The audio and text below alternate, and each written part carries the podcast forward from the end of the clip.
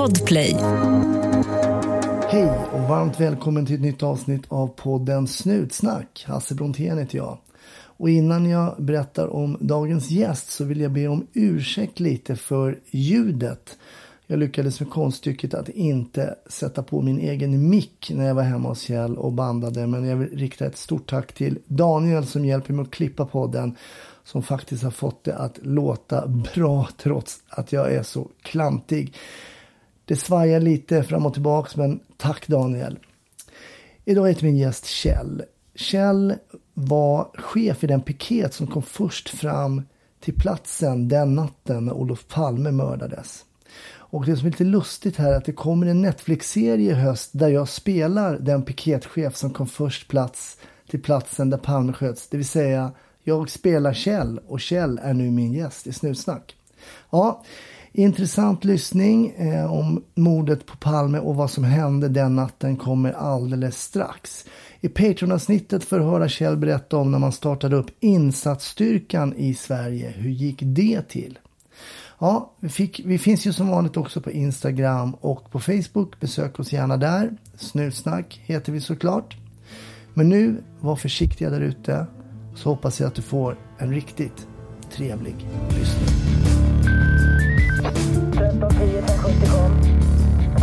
1310 Odengatan kom. Ja, det är uppfattat. Vi tar det. Slut. Bra. Klart slut. Varmt välkommen till Snusnack Kjelle. Tackar, tackar.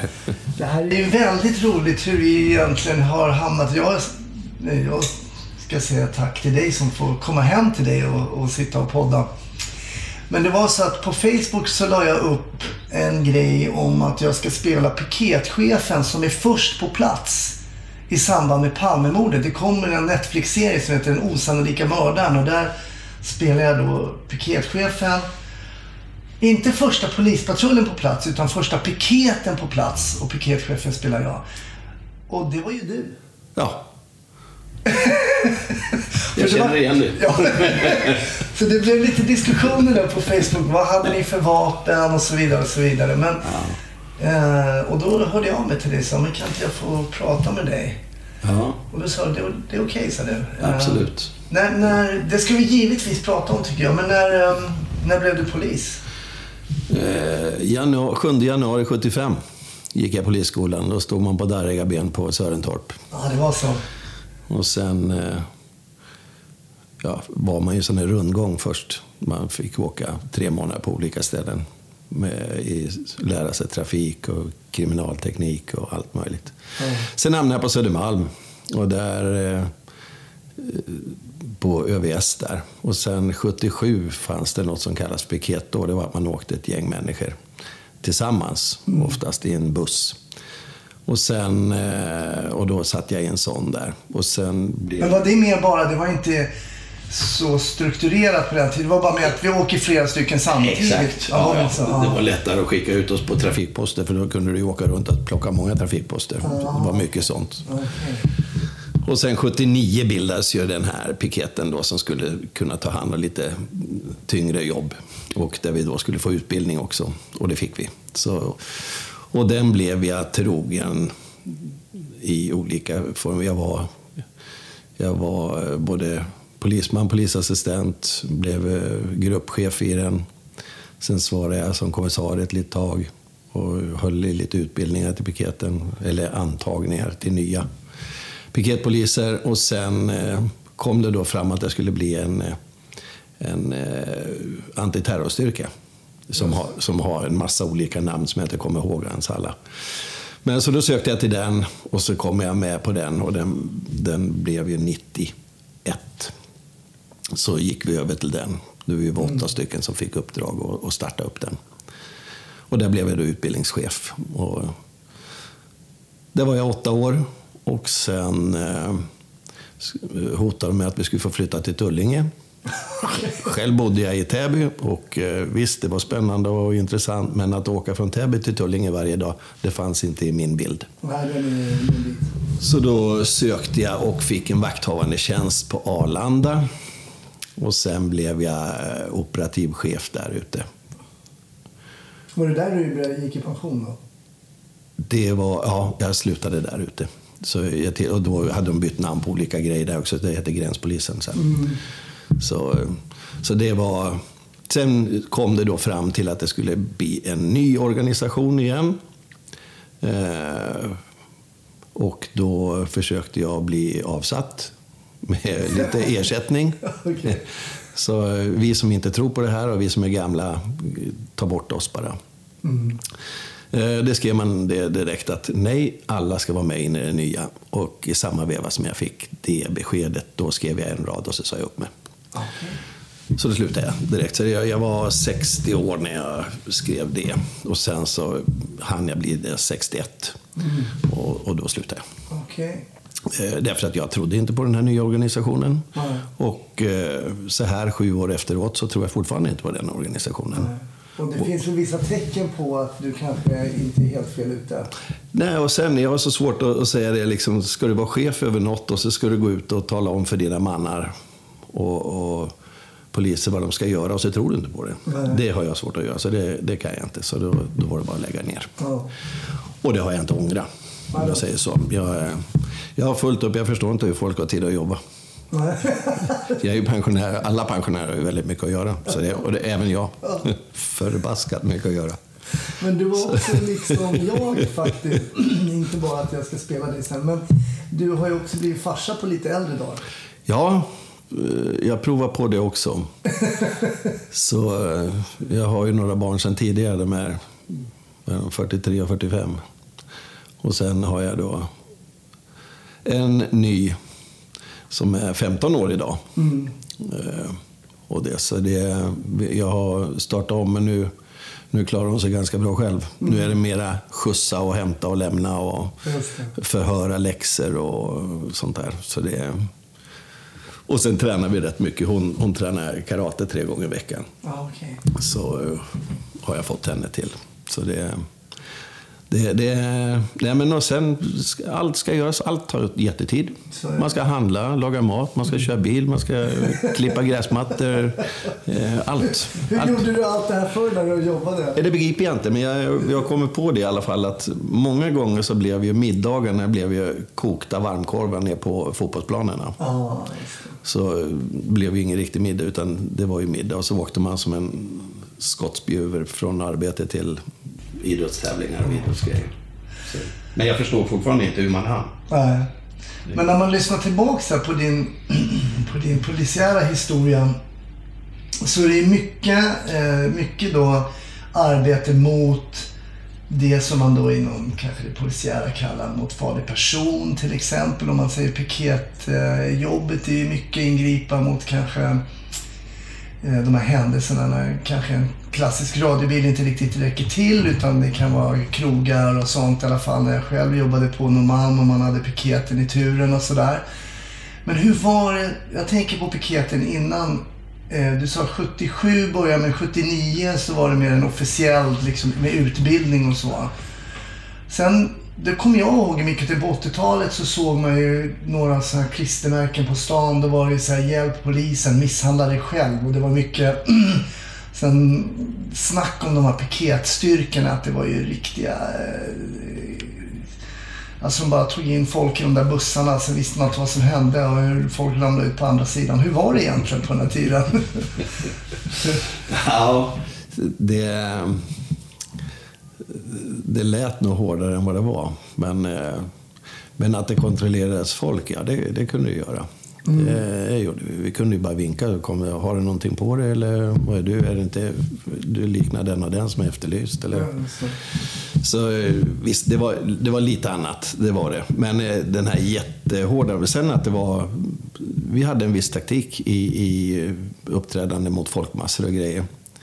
Så det hade vi med, med det vi ställde upp. Och det var inte det här att bussdörrarna bara slets upp och så sprang alla som yra höns. Utan att vi hade alltid en taktik, i alla fall jag turen, att vi gick ur bussen, alla ställde ut utanför. Sen gick chefen fram och, och tittade vad, vad händelsen var. Och därefter så, så sa han till om eh, vi skulle gå fram och gripa något eller göra någonting överhuvudtaget. Fram till dess så stod vi helt stilla. Okej.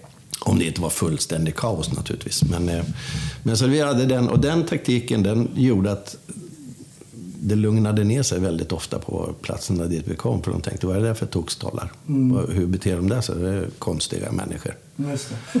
Så, eh, nej, och sen, det var ju mycket, mycket tjafs med alla fotbollsmatcher, ishockeymatcher och större sammandrag. Och sen var det även då skjutningar och grejer som var. Vi hade med Ronald Reagan-ligan och alla sådana här med masker och maskeradligan och de här grejerna. De var vi med och grep folk i.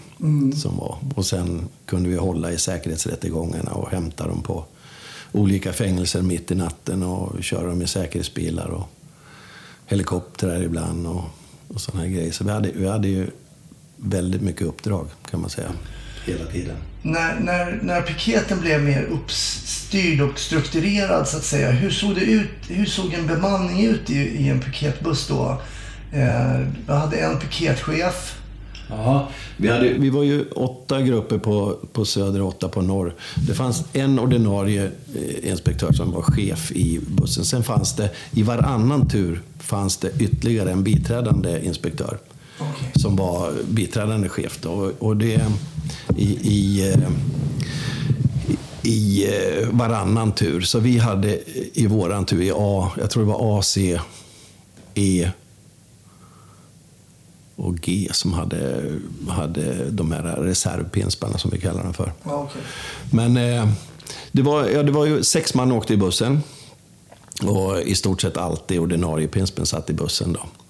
Och sen hade du då eh, den andra pinspen i vårt fall då, som åkte i en följebil. Och ytterligare en man. I och med att vi var åtta, vi fick inte, det fanns inte åtta säten i, i bussarna. Så så såg det ut eh, i princip hela tiden. Sen då var det större jobb, ja då åkte man ju tillsammans i bussarna, eller bilarna och bussen. Men eh, det var besättningen som var. Och sen var det ju en likadan på norr då, som var. Och sen säger man att polistätheten har ökat så otroligt mycket nu. Man har anställt mer än någonsin och bla bla bla. Eh, jag förstår inte att ingen går ut och tittar hur det såg ut. Men alltså då, Sju tur gick en piket ut, 14 tur gick en ut, 17 tur gick en piket ut och, och 21 tur gick en nästa ut. Och de här jobbade överlapp. De jobbade överlapp på Norrmalm.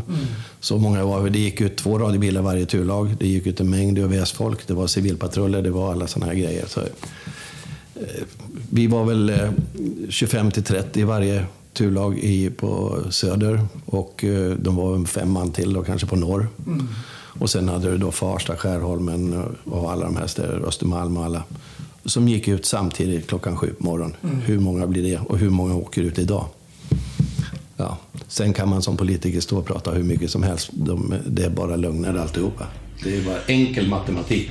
Det var ju någonting, speciellt måste jag säga, som också jobbade på den tiden. När man gick ut 21, jag var ju i D-turen då på Norrmalm. Så visste man ju att de gick ut 21 också på, eh, på Söder och så vidare. Och så vidare. De träffade man ju på.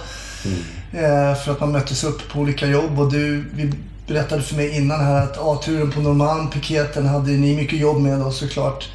Eh, Man mötte upp, man lärde känna varandra. Vad innebar det liksom för jobbet i sig? Att man faktiskt, faktiskt hade dem då på söder, norr och så hade vi ju Östermalm också som gick ut med sina turer 21, 17, 21 och så vidare. Eh, vad innebar det att man hade liksom den här em, kontinuiteten med folk som man kände också? och Så där? Det måste ju ändå varit en styrka. I min värld så var det helt avgörande tycker jag. Det, man, vi kände ju alla turlag som var omkring oss i alla distrikt, även i Farsta, Skärholmen och, och Vällingby och det här. Och, och framförallt då naturligtvis i innerstadsdistrikterna. Vi visste precis vilka hundförare som var i drift, som vi kunde ropa på. Och ledningscentralen var ju också samma tur. Det var A-turen på, på ledningscentralen också. De kunde varenda en av oss. De visste precis vilka vi var. De visste precis vilka jobb vi skulle skickas på. Ibland jävlas de med oss och ibland så fick vi åka riktigt. Och sen så var det vissa jobb man ville ha. Och då sa man att man låg i Hornstull fast man låg i Nacka. Och sen så åkte man lite fortare bara. Så man fick det där jobbet som man ville ha. Så, nej men det, var, det var jätteavgörande för att ha. Och vi visste precis vad vi skulle ropa på för bilar, vilka anrop och allt sånt där för att få. Och vilka som vi ville ha som stöttning just då. Så det, var, det tycker jag var en otrolig styrka. För det slogs ju, redan när det kom närpolisreformen då så slogs det ju sönder ganska mycket av det där. Och man kände att det tappades liksom. Det var också kul att spela innebandy mot piketen i vårt turlag. De trodde ju att de var starkast och det var de säkert men de var kanske inte alltid bäst med bollen. Så det, nej, det kan jag tänka mig. Det var, det var, det var, så hade vi likadant också. Så det, det, vi hade mycket bolltekniska människor. Vi till och med vann faktiskt. Det, det fanns en turnering inom polisen då som man spelade innebandy med domare och allting sånt där. Alla turlag fick eh, anmäla. Mm. Och tunnelbanan anmälde, Farsta anmälde och, och, så vi, och så hade vi våran piket som anmälde. Vi vann faktiskt guld en gång mm. på det. Då hade vi väldigt duktiga, lite avdankade hockeylirare och sådana som har varit med. Så Farsta var ju alltid farlig för de hade en massa kvarterspoliser som spelade aktiv hockey. Oh. Djurgården, AIK och de här grejerna. Så de var, de var alltid svåra att ta. Men, eh, så det, nej, det funkade bra. Där. Men det var, det var jättetrevligt. Alla anmälde sig och så var idrottslärarna var, var domare i det här. Okay. Som man fick. Så det, och det fick vi spela på tjänstetid. Den gillade man ju också. Man hade ju avbrott som man klev in och lirade. Och så jag vet inte ens om de har avbrott på det sättet idag längre. Uppehåll ja, eller något sånt där. Vi hade ju, då hade man ju en timme. Ja. Vi, vet, vi åt på fem minuter, sen tränade vi 55. Ja. Varje, varje sånt där. Så det, det, var liksom snabbt ner och träna och sen så visste man fem minuter måste vi upp och käka och se ut. Men vi måste prata lite om eh, den här natten 86. Det var ju så spännande. Det var så vi, när vi började prata mm. på Facebook. Var ligger ni när ni får det här jobbet? Eh, kommer du ihåg var ni ja. var någonstans då? Eh, när vi blev anropade och, och, tog jobbet, då låg vi precis där eh, Riksbanken ligger idag. Aha, okay. så, och då kunde du, på den tiden så kunde du bara svänga runt Riksbanken och ner på, på, Svea, eller på rondellen där. Och gasa. Så vi hade vi tog tid, nu kommer jag inte ihåg. Uppe vid Brunkebergstorg ja, var ni? Ja, vi var ja. Brunkebergstorg. Så vi, hade, vi svängde bara höger runt alltihopa. Just det. Och, för vi kom ju uppifrån. Just det, det var öppet ner där då. Ja. ja. Så vi hade ju varit och parkerat om, eh, parkera om bilen till en av våra killar i bussen som, som bodde eh, mot Östermalm där. Så han hade sin bil felparkerad för det var nattparkeringsförbud. Så det var ett litet chox alltså? Ja. Det, så vi åkte dit innan vi skulle åka tillbaka på avbrott. Parkerade om hans bil och sen så rullade vi sakta upp. Och då kom vi precis upp där trapporna kommer upp. Och så tar vi då vänster där. Och så rullar vi sakta genom, då var det eh, gatuflickersstället som var ja, där på ja, Malmskillnad. Ja. Mm. Så rullar vi sakta förbi där och så rullar vi och så kommer vi till, eh, till Riksbanken och då blir vi upprättade. Man skjuten, bla bla. Där. Och, eh, och då drar vi på. Det var, det vi åkte, det jag kommer inte ihåg, men säg att det, det är i alla fall mindre än 30 sekunder att åka dit. Mm. Men när vi svänger ner på, så vi kommer ner på Sveavägen, då ser vi en, en radiobil kommer upp Kungsgatan. Och Svänghuset, den är före oss. Och det var ju Gösta Söderström, kommissarien, som var där. Så de hann fram före oss och sen så var vi på plats där. Uh, då, och då, då hade de redan hoppat ur bilen och jag, sprang, jag hoppade ur bil, våran bil och sprang fram. Men ser då att då är det två privatpersoner som håller på med hjärt-lungräddning där. Och, eh, Förstår du vem det är som ligger där nu? Eller? Det är inte en aning. Och, men jag såg att de var ju mycket bättre på det där än vad jag var. Ja. Så eh, jag ville inte blanda mig i deras jobb, utan snarare tvärtom. Jag, vi försökte då få fram uppgifter på vem som har skjutit, var de tagit vägen och så vidare. Mm. Så jag gick därifrån eh, och jag kunde inte se att det var, var Palme, för det kom upp blod ur munnen på honom när de tryck. Och sen eh, skickade jag iväg mina patruller upp för trappan där där de så. Men vi hade dålig signalement vi, och de signalementen byttes ut vart efter. Just det.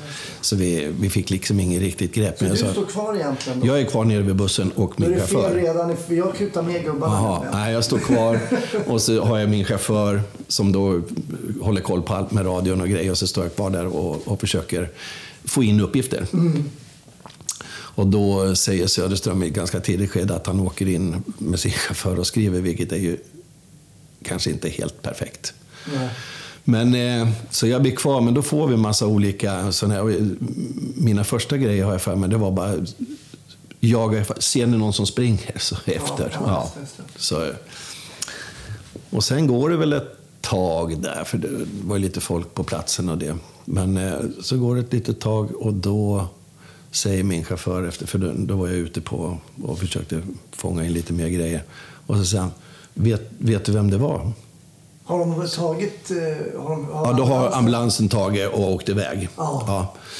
Och, och efter ett tag då så säger han liksom att, vet du vem det var? Inte, alltså jag, så länge han låg kvar hade jag ingen aning. Ja, det var så. Ja. Jag kände inte igen eh, fru Palme som sprang omkring. Nej. hade jag ingen aning om vad det var för någon som sprang omkring och yrade sig där. Det, det är inte helt onaturligt att man blir skärrad när man ser ett, ett mord eller något sånt där. Så, men att det då var hon, det hade jag inte en susning om. Men eh, då säger han det, det var Palme. Nej, det kan det ju inte vara. Det förstår du väl att det inte är. Och då säger jag, vad är livvakterna då? Ja. Ja. Så det var liksom, jo det är Palme. Så. Nej, så det finns inte en chans. Och jag var ju där och tittade liksom. Så det, jo det är han, de har sagt det. Fy fan, så det. Ja, så då skickade vi på de som sprang att, eh, att eh, håll koll så det inte är en livvakt ni ser springer.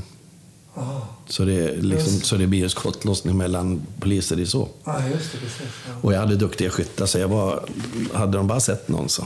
Men eh, nej, och sen, ja, då var det ju det. Och då, då åkte de in och sen kom det, då fick vi förstärkning från Ceturspiketen i, på norr.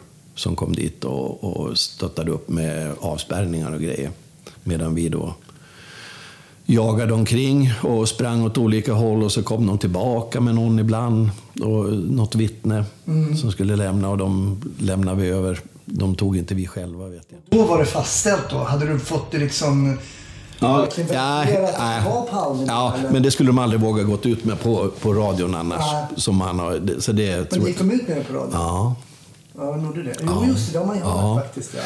Och, ja, och så, ja, då kom C-turen norr. De hade varit och tankat på Norra Bantorget. Där tankar man alltid när man tillhörde Norrmalm på, på den tiden. Men, eh, så då kom de och hjälpte oss med, med allt det här med att och, och spärra av och greja. Och så fortsatte jag mitt drivande och jakten på det här och då, då kom det ju fler och fler sen.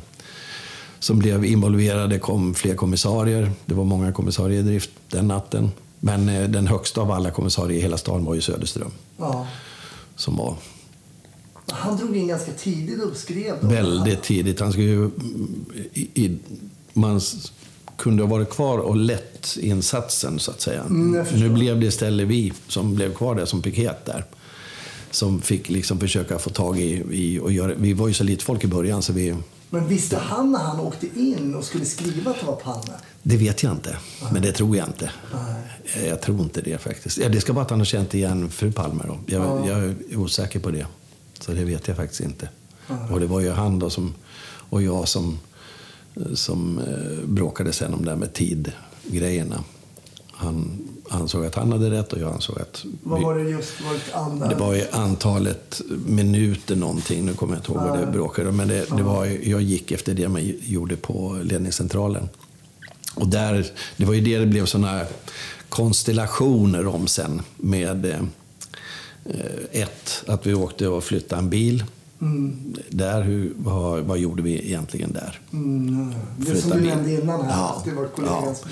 Och sen, inte nog med det, så hade jag placerat en av mina piketmänniskor på ledningscentralen. Aha. Han, eh, vi hade ju så då att man, man, eh, man kunde liksom sätta upp sig och, och sitta några perioder på ledningscentralen. Ofta gnetar man ju där och så jobbar man i sina egna bussar. Men, men i det här fallet så, så hade vi en av våra gubbar som hade varit uppsatt länge där på, på de där passerna som man skulle göra. Men naturligtvis var det konspirationsteorier från alla de här privatspanarna. Hur kunde jag... För det första, vi är en söderpiket. Vad gör vi på norr? Vad, flytta en bil i just det här området.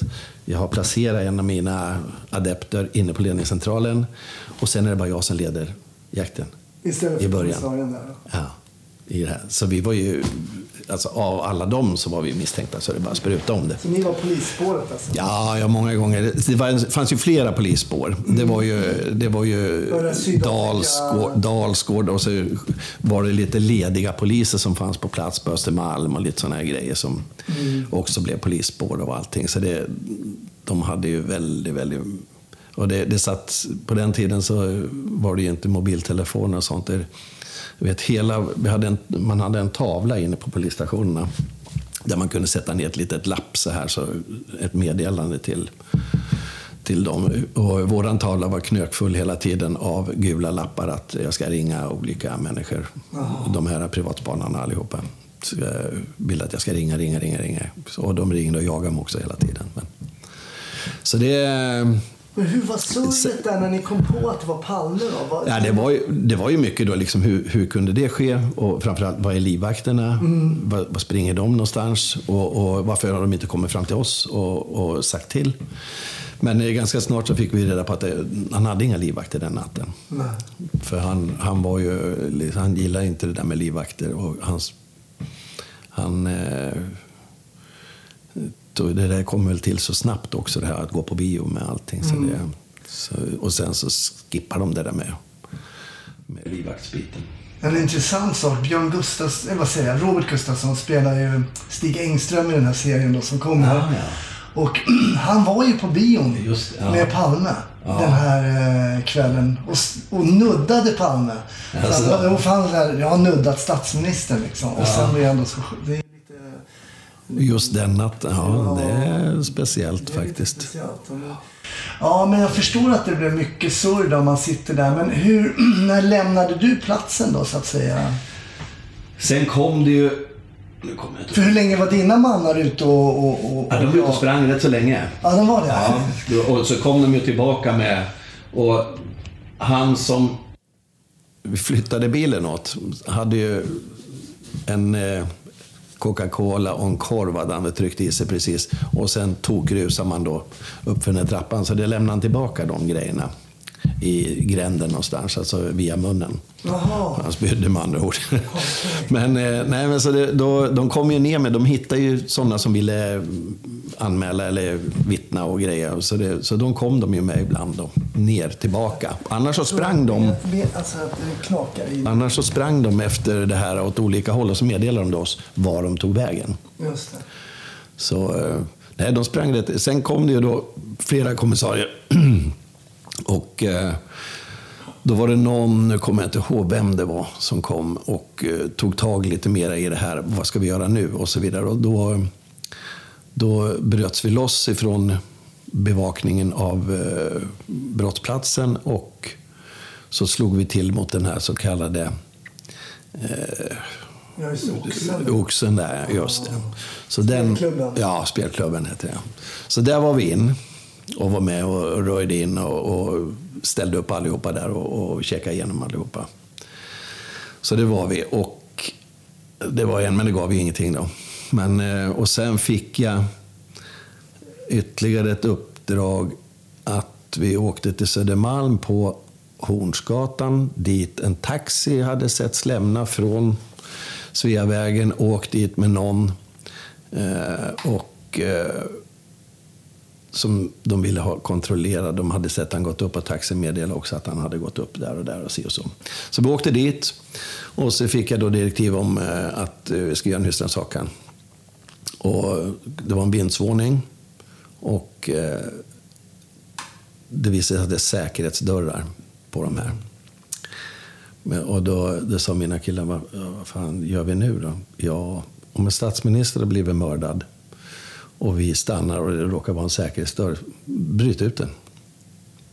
Ta bort hela skiten. Så det, det, och så får vi skriva det sen och så får vi ta det i rätten sen om det är någon som anmäler det. Så det gjorde vi, för det var ingen som öppnade naturligtvis. Men eh, det var ju tomt också.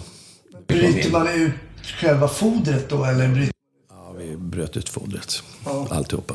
Så det, det blev som en, en stor öppning i väggen. Ja, fattar. Så det fick väl Polismyndigheten betala lite sen, Så dörren var egentligen fortfarande stängd när ni öppnade Ja, för lägenheten? ja, vi bara öppnade alltihopa. Bröt sönder alltihopa. Så det, men det fick vi skriva lite om då. Och sen, eh, Sen eh, fick vi nästa jobb sent på natten. Där senare på det. Vi var med på några mer grejer som jag inte kommer ihåg riktigt. Men senare på natten så fick jag i alla fall en grej. Att då skulle fru Palme åka hem ifrån sjukhuset. De bodde på Västerlånggatan. Och eh, mitt uppdrag var då att eh, inga fotoblixtar får smälla på eh, när hon kliver ur och ska gå hem till sin bostad. Inga fotoblixtar. Och det var ju ett rätt så annorlunda jobb att få när det kryllade av, av eh, fotografer Press, och press. Så, men då hade vi två killar. En som jobbar för Aftonbladet, som jag inte kommer ihåg vad han heter. Och en som jobbade för Expressen. Jag tror den ena är fortfarande aktiv, fast han jobbar för TV nu. De här två killarna var frilansare. De åkte på alla jobb som piketen hade. Överallt. De, var, de låg och lyssnade på polisradion. På den tiden kunde man göra det. Och de var ofta snabbare än vad vi var till den platsen som vi skulle göra en inbrytning eller något sånt där. Därför att de, de behövde inte hämta utrustningar och grejer. Nej. Så de var ofta på plats när vi kom. Och de, de hade vi bra kontakt med. De, eh, de visste att de får det de vill ha i stort sett. Om de håller sig undan när vi ska göra det vi, det vi är där för att göra. Östberg hette en förresten, vet jag. Han kom också till våran buss under mordnatten. Och eh, satt där och, och jag vet vi diskuterade, vi hade ju, på den tiden hade vi kameror i, i bussarna. Om jag har knäppt ett kort när lägger, vad, vad har du betalat för det? Så, jag börjar med någon miljon bara, sa han. Utan vidare. På den tiden. Det. Nu gjorde vi inga foton, men i alla fall. Så det var, det var ganska stort. Men han och den andra kollegan, de fick vi, använde vi som eh, hjälppersoner när eh, vi skulle stänga av Gamla stan, tänkte jag säga, så att det inte var någon fotoblixt där. Ah, det. Så fick vi, ja, så de snackade med sina kollegor och, och grejer, så de hjälpte till. Det var en som hade kommit in i en lägenhet mitt emot där Palme och de bodde. Eh, och hittade väl på, om man kände dem eller inte, det vet jag inte, men eh, i någon familj där i huset mitt emot. Så där missade vi. Men annars så fungerade det riktigt bra. Det, där, så det, då, det var mitt sista uppdrag den natten. Sen Hur åkte, lång pass blev det för dig? jag har för mig att vi var fem, sex tiden slutade jag någon gång. Och då gick På morgonen. du gått på då? Var det natt? Det var en 17-tur, Ja, Det var en 17 tur. Ja. Så det blev ett... tror jag. Så det, ja, det blev ett ganska långt pass. Men eh, så eh, då, då åkte jag hem sen och sen och då hann jag bara komma hem tror jag. Det var då de ringde. Då ringde telefonen hemma och, och, och de som jag, var- på den tiden hade man fasta telefoner. Ja. Så jag svarade och då sa de att det var hej, det var från den och den tidningen. Och blev, och sa, hur har ni hittat mitt nummer? Och det svarade de inte på. Och då sa jag, då svarar inte jag heller på några frågor, jag gör med er. Och så, sen visste jag att alla som ringde sen, det handlade om pressen. Så då sa jag ingenting. Jag sa ingenting till min fru heller då. Hon låg och sov. Så jag sa inte ett ljud, utan jag gick bara och la mig och sov. Eller försökte somna, för jag visste att jag ju snart börja igen. Ja. Så jag sa ingenting. Så det åkte jag på en, en bra eh, avblåsning sen. Varför jag inte berättade något. Men eh, det gjorde jag inte i alla fall. tyckte hon borde ha väckt och sagt att Ja, statsministern var... självklart. Ja. Så, det, och det kanske man borde ha gjort så här i efterhand. Men det gjorde, då var, min panik var att försöka sova. Mm. Och sen på eftermiddagen då, eller på, eh, vid lunch där någonstans, sov vi ingenting i stort sett tror jag. Men, så då ringde man väl från ledningscentralen och sa att eh, länspolismästaren vill att ni åker in och skriver en promemoria. Samla ihop din grupp och åk in nu och skriv. Så då åkte vi in. Eh, Allihopa samlas på Södermalm och så satt vi och skrev var och en för sig. Hur vi hade upplevt det hela. Och sen så ja, läste jag allihopa de här och, och sen åkte vi upp till ledningscentralen och så lämnade vi det till honom. Utan diarieföring. Alltså. Mm. Så det, de, var är de nu då? Ja, jag undrar om de inte har hittat dem i... eh, För det var, jag blev förhörd sen efter en 10-15 år ytterligare. Så blev jag förhörd av någon utredare på, inom Palmesektionen där. Och eh, då säger jag, men ta fram det här promemorian jag, som vi skrev så jag, så jag kan läsa in mig lite där så får jag lite bättre minne Ja, om detaljer. Vilken promemoria, sa de. Då hittade de ingen promemoria då. Så jag ska leta rätt på den då, så tar vi det här förhöret sen. Så kan jag åtminstone försöka hitta tillbaka till, eh, till minnet hur det var med allting. Ja. Så det, men eh, det, jag, tror inte det, jag tror inte de hittade det där då, faktiskt. Så det, ja, så det var en aha-upplevelse. För det var ju, det var ju liksom, det, det kommer vi ihåg varje millimeter vi gjorde naturligtvis. Eftersom vi dagen efter sitter och skriver. Var och en skriver. Exakt. Snart startar vår stora färgfest med fantastiska erbjudanden för dig som ska måla om. Kom in så förverkligar vi ditt projekt på Nordsjö Idé och Design. Är det någonting som du har tänkt på sådär efteråt att ni som piketgrupp hade kunnat göra annorlunda där på plats? Alltså du som chef, när du kommer fram som piketchef, när du liksom, när du backar tillbaks bandet, var det någonting som du känner att där hade vi kunnat agerat annorlunda? Så här. Det är lätt att vara efterklok, men menar, Ja. det kan ju vara det nu ändå. Ja, jag, vet, jag har fått eh, tusentals frågor varför avspärrningen var så liten. Nu var det inte jag som gjorde avspärrning, men det spelar ingen roll. Jag, jag sa det, om du tar en 357 Magnum, Magnum och eh, riktar bort mot Wennergrens center, eller du skjuter mot Wennergrens center, var stannar kulan? Hur stor avspärrning ska du göra? Ska du spärra hela Sveavägen, stoppa allting som är bort till Wennergrens center? Och åt andra hållet definitivt också. Då. Så vad, vad kan kulorna ha gått?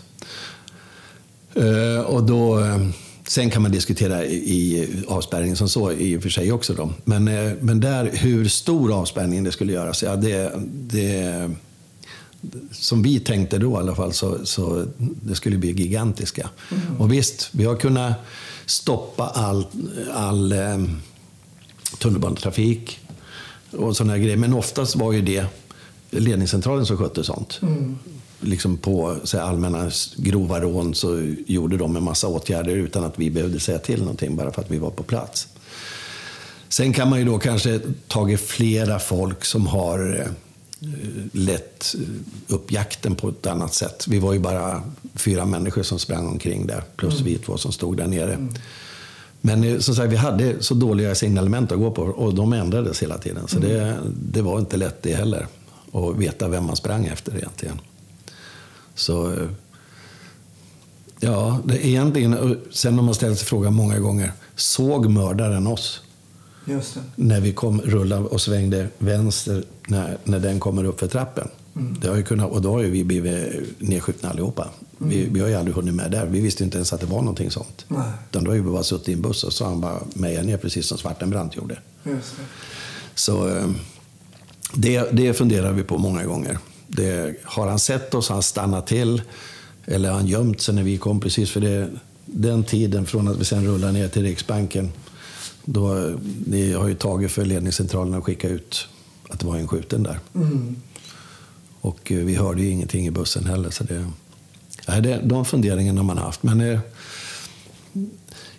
det var väl kanske lite, jag tror det blev lite lamslaget hos många människor. Och sen kan man ju fundera på då, är det en krigssituation det här? De skjuter statsministern. Du måste ju kalla in regering och alla sådana här grejer. Så lite sådana bitar diskuterar vi också där.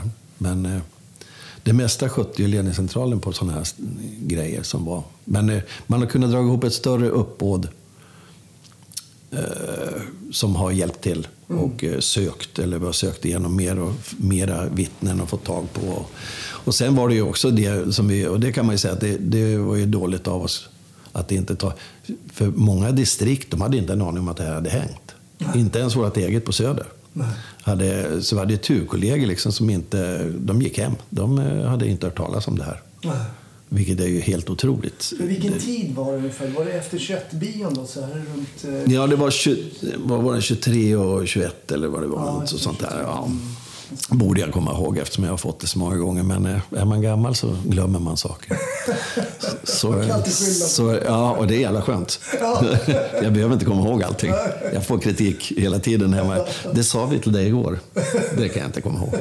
så, så det får man höra. Ja. Men eh, så är det med gamla människor. Det, vi måste ju ha en skyddsbarriär. Det har jag. så det, så. Nej, alltså det, det kan man ju tycka var väldigt dåligt. Att inte liksom alla turlag i alla, alla ställen fick reda på det. Precis. och jag menar, det är en normal grej där så skulle ledningscentralen ha skickat det direkt. Men eh, det blev väl även en blackout. Man tänker, om man jämför, vi tänker till exempel på lastbilen på mm, Drottninggatan i dagens då, eh, alltså telefonsamhälle, vi har våra smartphones och sånt där. Om det hade hänt, om vi hade haft all den tekniken vi har idag, om man hade kommit undan. Det är ju bara en ren spekulation såklart, men eh, kanske inte, man vet aldrig.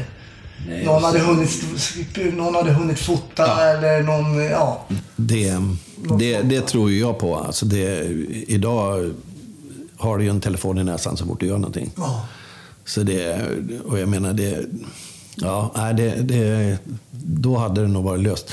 Det hade för min del varit ganska skönt att ha fått det löst. För det är ändå något som gnager. Ja, det gör det. Ja. Ja, det vill jag ju påstå. Jag hade gärna sett att jag fått reda på vem det är innan jag dör själv. Just det.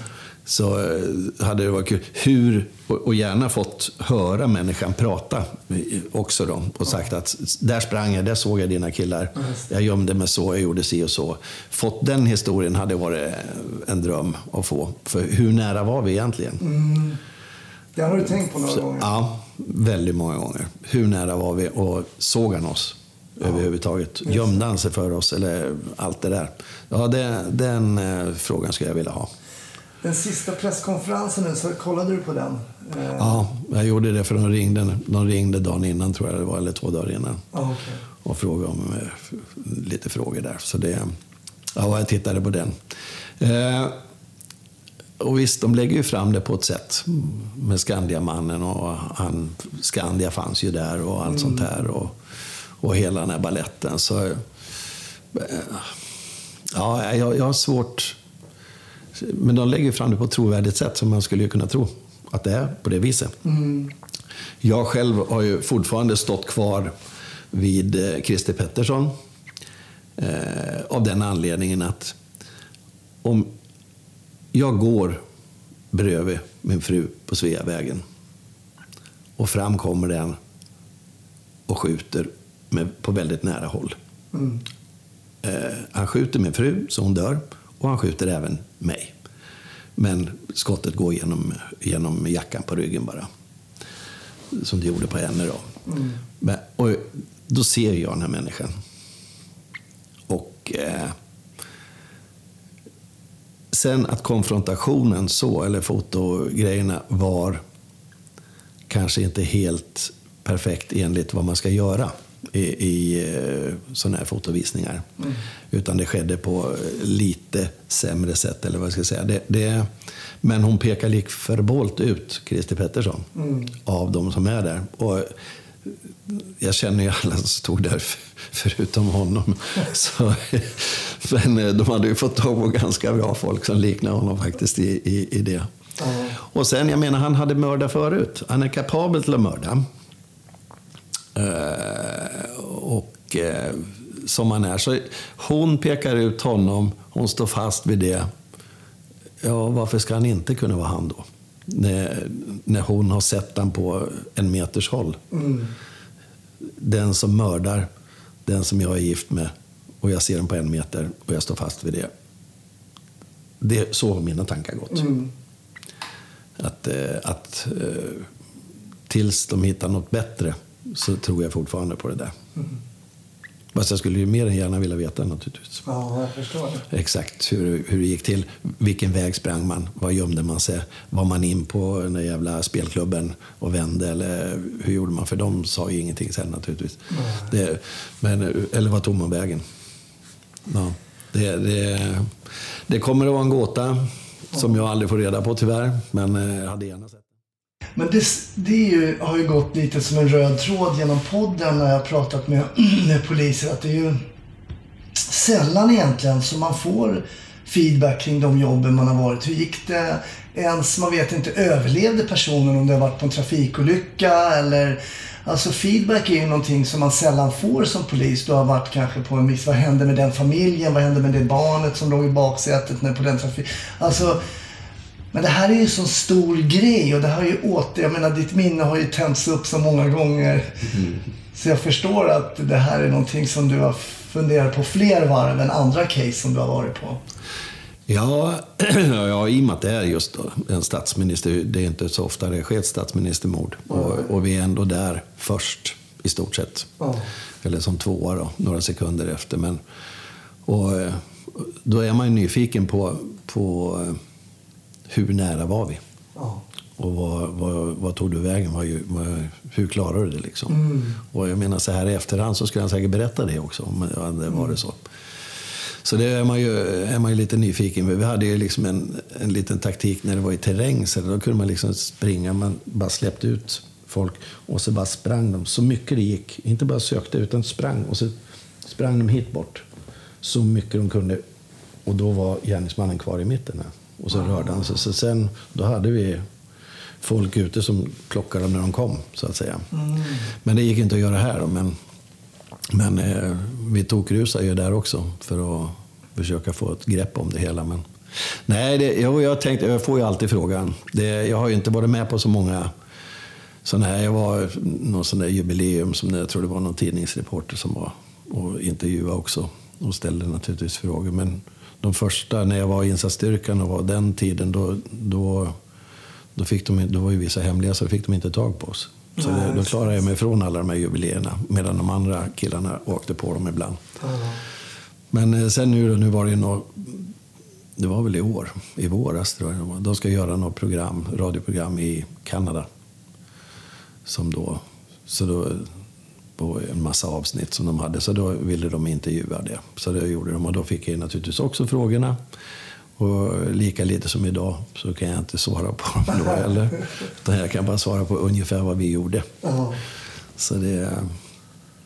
Nej, det, det vore jäkligt intressant att veta faktiskt. Det, men som du säger, det, det är inte många jobb som man får exakt feedback på hur, man, hur de klarar sig och vad som hände med dem och, och varför och sånt. Så det, Men träffade du på Pettersson? För att eh, honom stötte man ju på lite. I alla fall jag som jobbade nere på Plattan. Han var där och det var någon gång brott mot knivlagen och sådär. Men träffade du på honom någonting sen eh, efteråt?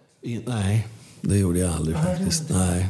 Så det, jag hade inte med honom att göra alls. På. Men som du sa, vi, man träffar ju på honom på vissa jobb så där, det var lite stök och bök och, och allt sånt där som var. Men, men eh, nej, så efter det så har jag aldrig någonsin faktiskt. Utan, och vi fick ju inte veta något heller, så det liksom var ju ingen som berättade för oss att så här och så här långt har vi kommit eller något sånt där. Ni fick Precis som- ingen feedback från utredningen? Nej, eller någonting? ingenting. Du får kritik sen ifrån alla olika håll naturligtvis. Varför gjorde du inte så? Varför gjorde du inte så? Ja. Det, det får väl du sen nu då. Ja. Men jag tänkte, det var därför jag sa det, att jag kanske får se facit. Jag borde ha gjort. Knappast. Till exempel spr- gjorde- sprungit efter. Fast det hade vi som regel, det gjorde vi aldrig. Nej. Alltså, chauffören var vid bussen alltid kvar så att vi skulle kunna dra och sen chefen var kvar. Så, Ja, det. Så, där. så det hade vi en, en grej som, var, som vi drev stenhårt att det lämna aldrig, lämna aldrig de bitarna. Så det, så det, det gjorde vi inte. Men, eh, men eh, det kanske hade hänt något då. Vi hade kanske plockat. Jag vet. Nej, det vet jag inte. Jag gjorde bara det som stod i manus. Klokt. Då får du ingen kritik därifrån i alla fall. Lite så, lite så. Ja, men jag kan tänka mig sen så den här gruppen då. Ni var ju då, du var i C-turen då på Södermalm och, och ni kuskade ju runt i den här bussen och det måste ju ha varit någonting som ni vred och vände på ganska ofta kan jag tänka mig. Ja, det var det nog. Även polisiärt överhuvudtaget på station och allting. Där fick vi också naturligtvis lite kritik på varför vi inte talade om. Och varför, varför visste inte resten av polisstationen Ja, vad som hade hänt. Och det. Så, jo, vi diskuterade väl det. Vi åkte där och tittade. Vi provkörde vägsträckan och, och allt sånt där. Så det, det diskuteras naturligtvis. På, och sen var det ju fantombilder och olika grejer ute och allt sånt där. Så det, så var vid en fantombild var ju en kollega som vi mycket väl känner igen. Så de sen åkte och hämtade på polisskolan. Han gick med någon askkurs eller något sånt där. Så, eh, och så, men herre, han kan det ju inte vara. Och det var det ju inte heller. Så. Men, Och sen har vi kommit underfund med att på, i den här eh, Netflix-serien som kom, då har vi fel beväpning också. För ni hade då, redan då så hade ni Sig Sauer. Eh, Den kom, den började väl köpas in 84. Och då snabbutbildades vi på det där. Så vi, vi var till och med inne på våra, våra fridagar över helgen och sköt för att träna upp kompetens för att sen kunna skjuta godkänt på det där. Och det var ju min namne då som, som hade drivit det där. Eller som han drev just med vapen för att vi skulle få vapenutbildning. Han hette Karl Östling och jobbade på Norrmalm bland annat. Så, men eh, så då kom vi i piketerna fick ju då Sig Sauer Just. i ett mycket tidigare skede än vad vanliga poliserna fick det. Som var. Där var man ju riktigt avundsjuk på när man kom ut som ny då. Jag 91 kom ut och så såg man ju då piketpoliserna hade ju de här riktiga pistolerna. Ja, och faktiskt, det, det, det fanns anledning att vara avundsjuk. För det, med hjälp av dem så sköt det ju väsentligt mycket bättre än vad man gjorde med valten. Ja. Som varje liten rörelse, i och med att den var så kort, så, så bommar du helt enkelt. Ja. Så den var ju inte något bra att skjuta med. Så det, det var ju en väsentlig skillnad på att få skjuta med Sig Sauer. Och då, på den tiden tror jag vi, vi fick nog bara 226 allihopa. För lyssnarna då, 226 var den lite längre. Ja, lite tyngre, större, tyngre, större, större. större, kolv och allting. Så Ja. De med små händer hade ju en liten nackdel där då. I och med att den var, mina händer var normala. Så det, men jag fick ju... Senare i mitt polisliv fick jag en 228, vilket passade mig helt perfekt. Så hade jag fått den då så hade det varit ännu bättre. Mm. Men eh, jag trivdes med 226, den var jättebra. Fast lite tyngre då. Men nu verkar man vara i färd med att byta igen, att man ska gå till Glock. Ja, jag hörde också det. Och det, var, det var ju diskussionerna då också, men då, då drevs det igenom att Sig Sauer var ett säkrare vapen av, av det. Så. så då blev det den. Men, eh, så det, nej, det var ett bra vapen att få. Och sen fick vi MP5 då, innan, eh, innan eh, påven kom och hälsade på, tror jag det var. Och det är ju ännu mycket bättre vapen än att skjuta med Sig Sauer så är det ju en väsentlig skillnad på, på att skjuta med MP5. Då, då träffar du där du siktar i stort sett. Och också för er som lyssnar som inte är så insatta i, kring vapen då, så MP5 är det som man kallar som för förstärkningsvapen. Som då är en, eh, en k-pist va? Ja, i stort sett. Så det är, och det, den den eh, har lite längre pipa, men fantastiskt mycket bättre träffsäkerhet. Och innan hade ju ni den svenska k-pisten. Ja, och det var inte att leka med. Den hade jag i lumpen också.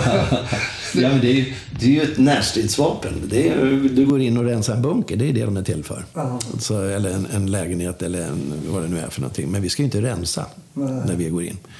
Så eh, nej, de, de, eh, och den hade vi ju även, skruvade vi på ett, lite grejer så sköt vi gas med den också. Mm, just det. Vi hade till och med sådana här, eh, vad heter det, pilar eller som du satte på som skulle då göra att riktningen, att vi kunde träffa någonting som liknar ett fönster.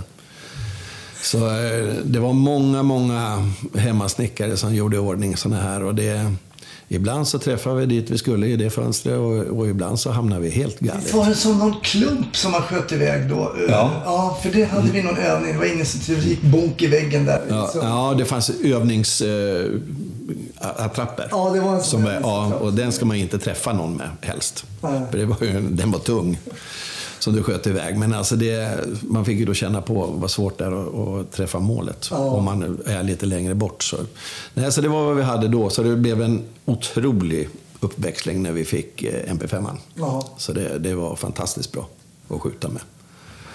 Så det, det, det har gått framåt och idag är det väl ännu bättre. MP5 finns ju kvar, men, men eh, Men om du ser idag, när man tittar på, om vi tittar då på piketen 86 där, till exempel, vi har ju pratat om den här natten när Palme sköts.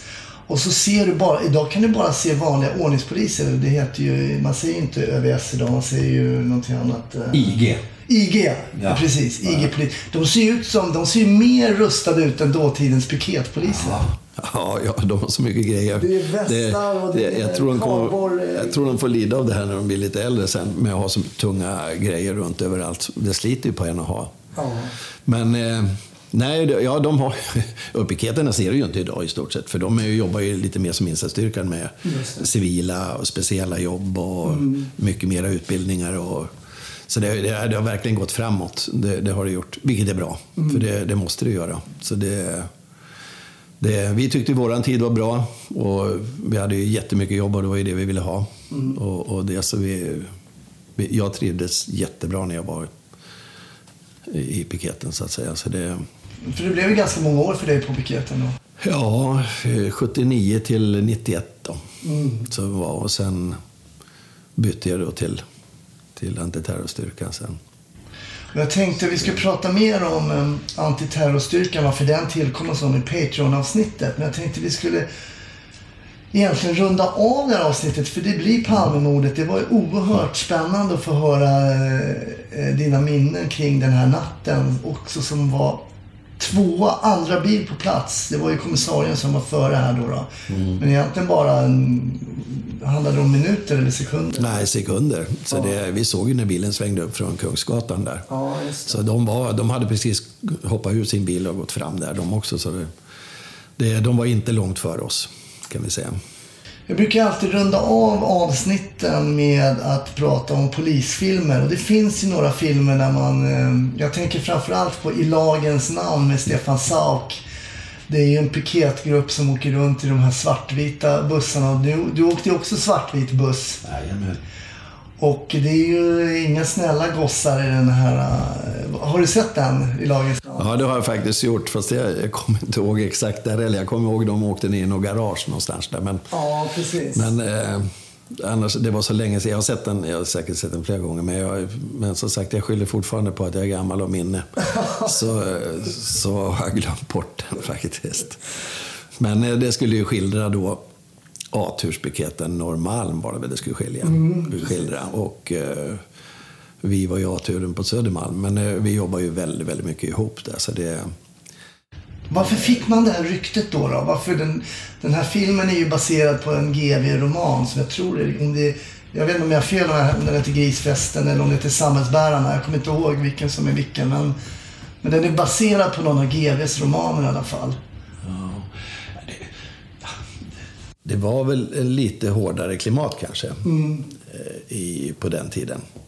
Så, eh, men eh, därifrån till att, att det misshandlades folk och eh, såna här eh, utan, Utan anledning. utan anledning, det, det, nej. Det, då skulle vi åkt dit helt enkelt. Det, vi fick ju anmälningar på oss också. Massor. Med, med olika, men du, jag brukar säga behöver du bara fel skosnören så blir du anmäld. Så vi, anmälningarna haglar ju in på, på eh, CU då, som det hette. Men, eh, men eh, mig vetligen, det var de enda som dömdes till någonting sånt, det var väl den här baseballligan som, som fick splittras upp i det hela. Så, och de hade väl... Det var ingen piketgrupp. Nej, det är många som tror det. Och jag tror att det är lite så det har varit. För de var väl lite hårdare i sin hantering än vad, än vad vi var. Så jag, jag, jag har för mig det faktiskt. Att det, För jag tänker att ni piketer var ju ofta ganska publika. Alltså ni kom ju ofta fram till platser där det fanns väldigt mycket. Jag tänker ofta när jag jobbade var ju krogbråk och, och sånt och man behövde pikethjälp liksom. Så det var ju, ni syntes ju oftast då på den tiden. Nu som du sa kanske de är lite mer fördolda då, men men den här baseballligan var ju, jag tror att det var en civilt gäng. De åkte mycket civilt. ja, Just- ja, det var civila. Så, som, eh, det var plockade, det var gatulangningsgrupp som plockades från eh, Norrmalm. Som, eh, som utgjorde det här. Så, eh, nej, de var, nej vi, vi syntes ju alltid. Vi åkte ju nästan alltid i uniform, kan man säga. Och vi kom ju alltid i våra bussar. De var ju välkända, eh, på gott och ont. Men, eh, så det, och jag menar, och de här tidningsfolket visste ju precis vilka vi var. Bara för att ta det, när vi gick till insatsstyrkan sen så var ju det så hemligt för då, alla som var där var, var vi ju eh, okända. De, här, de här, han som var i Aftonbladet och den där Expresskillen, fotograferna där, som, de visste precis vilka, de visste vilka som försvann ur piketbussarna. Vilka, och det var ju bara piketfolk som, som gick dit.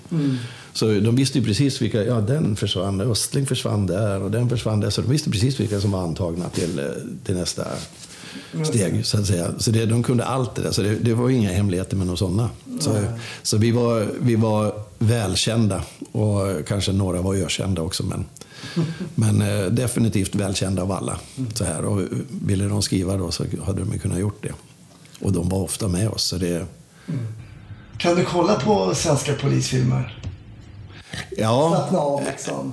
Nja, jo det kan jag väl i och för sig. Alltså sen, sen ser jag ju de här att eh, det är lite fel i vissa bitar som man inte skulle göra. Nu har det ju blivit mycket, mycket bättre. Nu har de ju folk som har jobbat inom det där eller lärt sig mycket, mycket mera. Så att man vet att man går inte med fingret på avtryckare när man springer runt med ett vapen eller några sådana här grejer. Som man kunde se förut. Eller hur man kikar in genom dörrar eller man, hur man går. Allt det där. Men, så, men eh, av naturliga skäl så har man inte jobbat inom det här så, så vet man inte exakt allting naturligtvis. Och inte vi heller vet allting. Det var, våran taktik var en. Idag har man säkert ändrat på vissa grejer. Så jag menar, allt ska bli bättre och säkrare och man får annan utrustning och, och allt sånt där. Så det, du följer in en serie slaviskt. Nej, och jag gjorde ju aldrig det på grund av att när, jag, när man jobbar skift så, så startade någon serie som man tyckte kunde vara bra. Ja, då kunde du se två avsnitt av tio. Ja. Och sen jobbar du de andra avsnitten. Och på den tiden kom det ju liksom, det ju inga streamingtjänster då. Nej, så de missade de här åtta och så alla andra pratade om det här. Det var så väldigt bra eller sån här grej. Det, ja, nej, så då på den tiden så slutade jag följa serier, Aha. kan jag säga. Ja, jag. Nu har jag ju all möjlighet i världen att, att följa serier, men eh, nej, det, jag följer nog ingenting. Så jag är en sån här nyhetsmänniska. Ja. Så jag tittar på allt vad nyheter är. Det sista jag gör när jag lägger mig så kollar jag om det har hänt något. Och det första jag gör när jag går upp, Ja, okej. så, så gör jag det. Ja, okej. Så det, det, det är en sån där sjuk grej som man har fått. Men det man får mycket sjuk grejer med om man har jobbat inom sånt här och hållit på med de här Ja. grejerna. Jag menar, jag, går jag in på en restaurang, jag, jag skulle ju aldrig sätta mig med ryggen mot dörren och äta. Det finns inte i min världsbild. Liksom. Tror jag. Sådana här grejer. Och liksom, kan du åka olika vägar till, till jobb eller var du åker någonstans, så naturligtvis så, då åker man inte samma väg Nej. hela tiden. Det, då, är liksom, då vet man hur lätt det är. Om jag ska följa någon så vet jag det. Gör de regelbundet alla de är här lite fel. yrkesskadad trots allt. Jä- Jävligt mycket tror jag. det får jag höra också. jag, till och med min dotter säger, inte hon 15 år utan den andra, som säger liksom att, att eh, eh, jag, innan jag kommer fram dit jag ska gå ur, då har jag lossat säkerhetsbälten. Jag slår bort det, så det, det finns inte på mig när jag, när jag liksom når min P-plats, eller vad jag ska säga. Så att jag kan... Och, och då säger vad fan gör du? Jag ska fan skicka hit en polisbil som rapporterar om du tar så, att, så fick, Hon är också polis. Ja, hon är också polis. Hur... Ah, Det ska vi ta. Jag, säger så här nu, Kjelle. Stort tack för att du var med. Vi ska prata vidare i Patreon-avsnittet och där kan vi också, ska jag fråga dig hur det är att ha en dotter som är polis. Men, eh, och vi ska höra lite om när ni startade upp eh, den här insatsstyrkan. Eh, 91 började det. Men fram till nu så säger jag så här, tack så mycket. Jag lyfter på hatten, det har varit superintressant. Tack, tack själv. Hoppas det har gett något.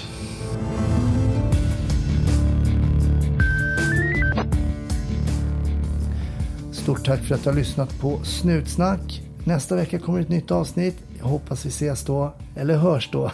Ha det bra. Hej så länge.